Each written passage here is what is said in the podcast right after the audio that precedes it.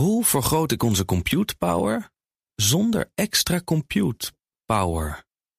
Lenklen, Hitachi Virtual Storage Partner. Lenklen, betrokken expertise, gedreven innovaties. Tech Update. Met Stijn Gozens. Goedemorgen, Stijn. Goedemorgen. Ja, ook bij Apple zouden nu toch ontslagen uh, vallen om de kosten te besparen. Ja, tot nu toe was Apple een van de weinige techbedrijven die nog geen ontslagronde uh, had gehad. Uh, ter vergelijking, de afgelopen maanden zijn er 12.000 banen bij Google verdwenen, 17.000 bij Amazon, 21.000 bij Meta, 10.000 bij Microsoft. En dan gaat het alleen nog om de vijf grootste techbedrijven. Ja. Apple had al wel andere besparingen doorgevoerd, zoals openstaande vacatures onvervuld laten en ook uit, uitstellen van bonusaanbetalingen of uitbetalingen. Juist om te voorkomen dat er grote ontslagen hmm. moesten vallen. Um, en het is uh, nog niet bekend hoeveel mensen er nu dan echt ontslagen gaan worden. Maar het zou volgens Bloomberg nog steeds om een kleine hoeveelheid banen gaan.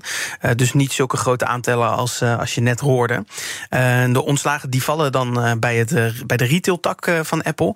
En de medewerkers krijgen nog wel de kans om intern bij Apple ook naar een nieuwe functie te zoeken. Okay. Dus dat is dan wel weer netjes. Cook die zei vorige maand nog tegen de Wall Street Journal dat ontslagen echt de laatste optie waren. Oh. En die laatste optie is dus schijnbaar bereikt. Nou, ondertussen heeft Tim Cook een uh, groot interview gegeven aan uh, maandblad uh, GQ.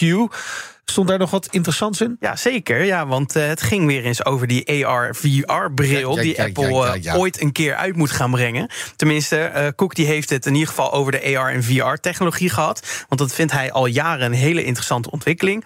Hij heeft het al eens zo belangrijk genoemd... als de ontwikkeling van de smartphone. Hmm. Nou, dat zegt wel wat over wat, waar Apple dan naar kijkt. En Cook die zei in het interview dat zijn blik op zo'n high-tech bril... de afgelopen jaren veranderd is.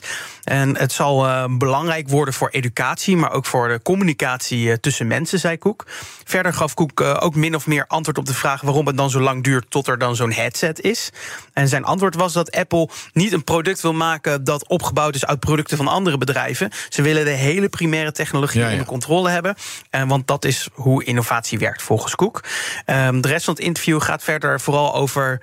Gaat niet helemaal over VR en AR. Het gaat echt persoonlijk over Koek.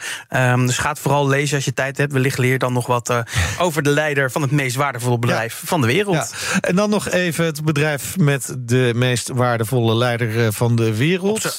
Ja, de minst waardevolle leider misschien? Ja, nou ja, hij is heel rijk. Hè. Dat, uh, dat is wel, ja. Ja, dat wel. Ja, Twitter dus. Uh, de, de, daar staat de boel zoals gewoonlijk op zijn kop. want sinds gisteravond ja. is het Twitter-logo niet meer die blauwe vogel. Nee, is een hondje. Maar de Shiba Inu, de Shiba Inu oftewel het logo van Dogecoin. Uh, dat schijnt dan weer de favoriete cryptomunt van Elon Musk te zijn. Dus dat is dan weer logisch dat dat nu ineens het Twitter-logo is. Um, ja, en de waarde van die munt die schoot ook meteen met 30% omhoog gisteravond. En daar staat hij ook nu nog steeds zo rond de 9 eurocent. Klinkt heel weinig, is uh, natuurlijk flink als hij 30% ja. stijgt. En als je daar heel veel en van als je hebt. er heel veel ja. van hebt. en uh, waarom die hond nou ineens het nieuwe logo is, dat is niet bekend. Maar dit weekend tweette Musk wel al een meme met dezelfde hond waarin de hond een paspoort liet zien met het Twitter-logo. En waarbij hij zei, ja, dat is een oude, oud logo van mij. Dus het was al een soort van aankondiging. Van oude foto, zei, de, zei de hond op de meme. Dus waarschijnlijk was uh, de meme hem goed bevallen... en dacht hij, nou, laat ik dat ook maar echt doen. Verder werd nog bekend, ander nieuws over Twitter... dat de omzet per medewerker bij Twitter flink onderuit was gegaan... eind vorig jaar, net voordat Musk het bedrijf kocht. Dat betekent dat de efficiëntie binnen Twitter ver te zoeken was. Um, en het kan wel een onderbouwing zijn waarom er dus duizenden ontslagen ook daar zich gevallen zijn nadat uh, Twitter uh, of, uh, werd overgekocht door Musk. Musk heeft als doel om dit jaar break-even te spelen qua kosten. Nou, ik ben benieuwd of dat me gaat lukken. Ik weet niet of die Dogecoin hem daar gaat bij, bij gaat helpen. Nee, nee maar waar, waar, heel veel van die Dogecoin-beleggers natuurlijk op zitten te ja. wachten of die betalingen met Dogecoin gaat toestaan. Bijvoorbeeld op Twitter, maar ook bij, bij Tesla. Daar is het ook wel eens over gegaan. Ja. En dan zie je ook gelijk die koers enorm omhoog schieten. En waarschijnlijk drie maanden later het toch weer terugtrekken. Want dat is ook wat uh, Musk ja. wel eens doet. Helaas, ja, het is een beetje vervelend. Want het heeft natuurlijk ook impact op uh, financiële zaken. En uh, dat kan ook wel gevaarlijk zijn. Dankjewel, Stijn Gozens. De BNR Tech Update wordt mede mogelijk gemaakt door Lenklen. Lenklen. Betrokken expertise, gedreven resultaat. Hoe vergroot ik onze compute power zonder extra compute power? Lenklen. Hitachi Virtual Storage Partner. Lenklen. Betrokken expertise, gedreven innovaties.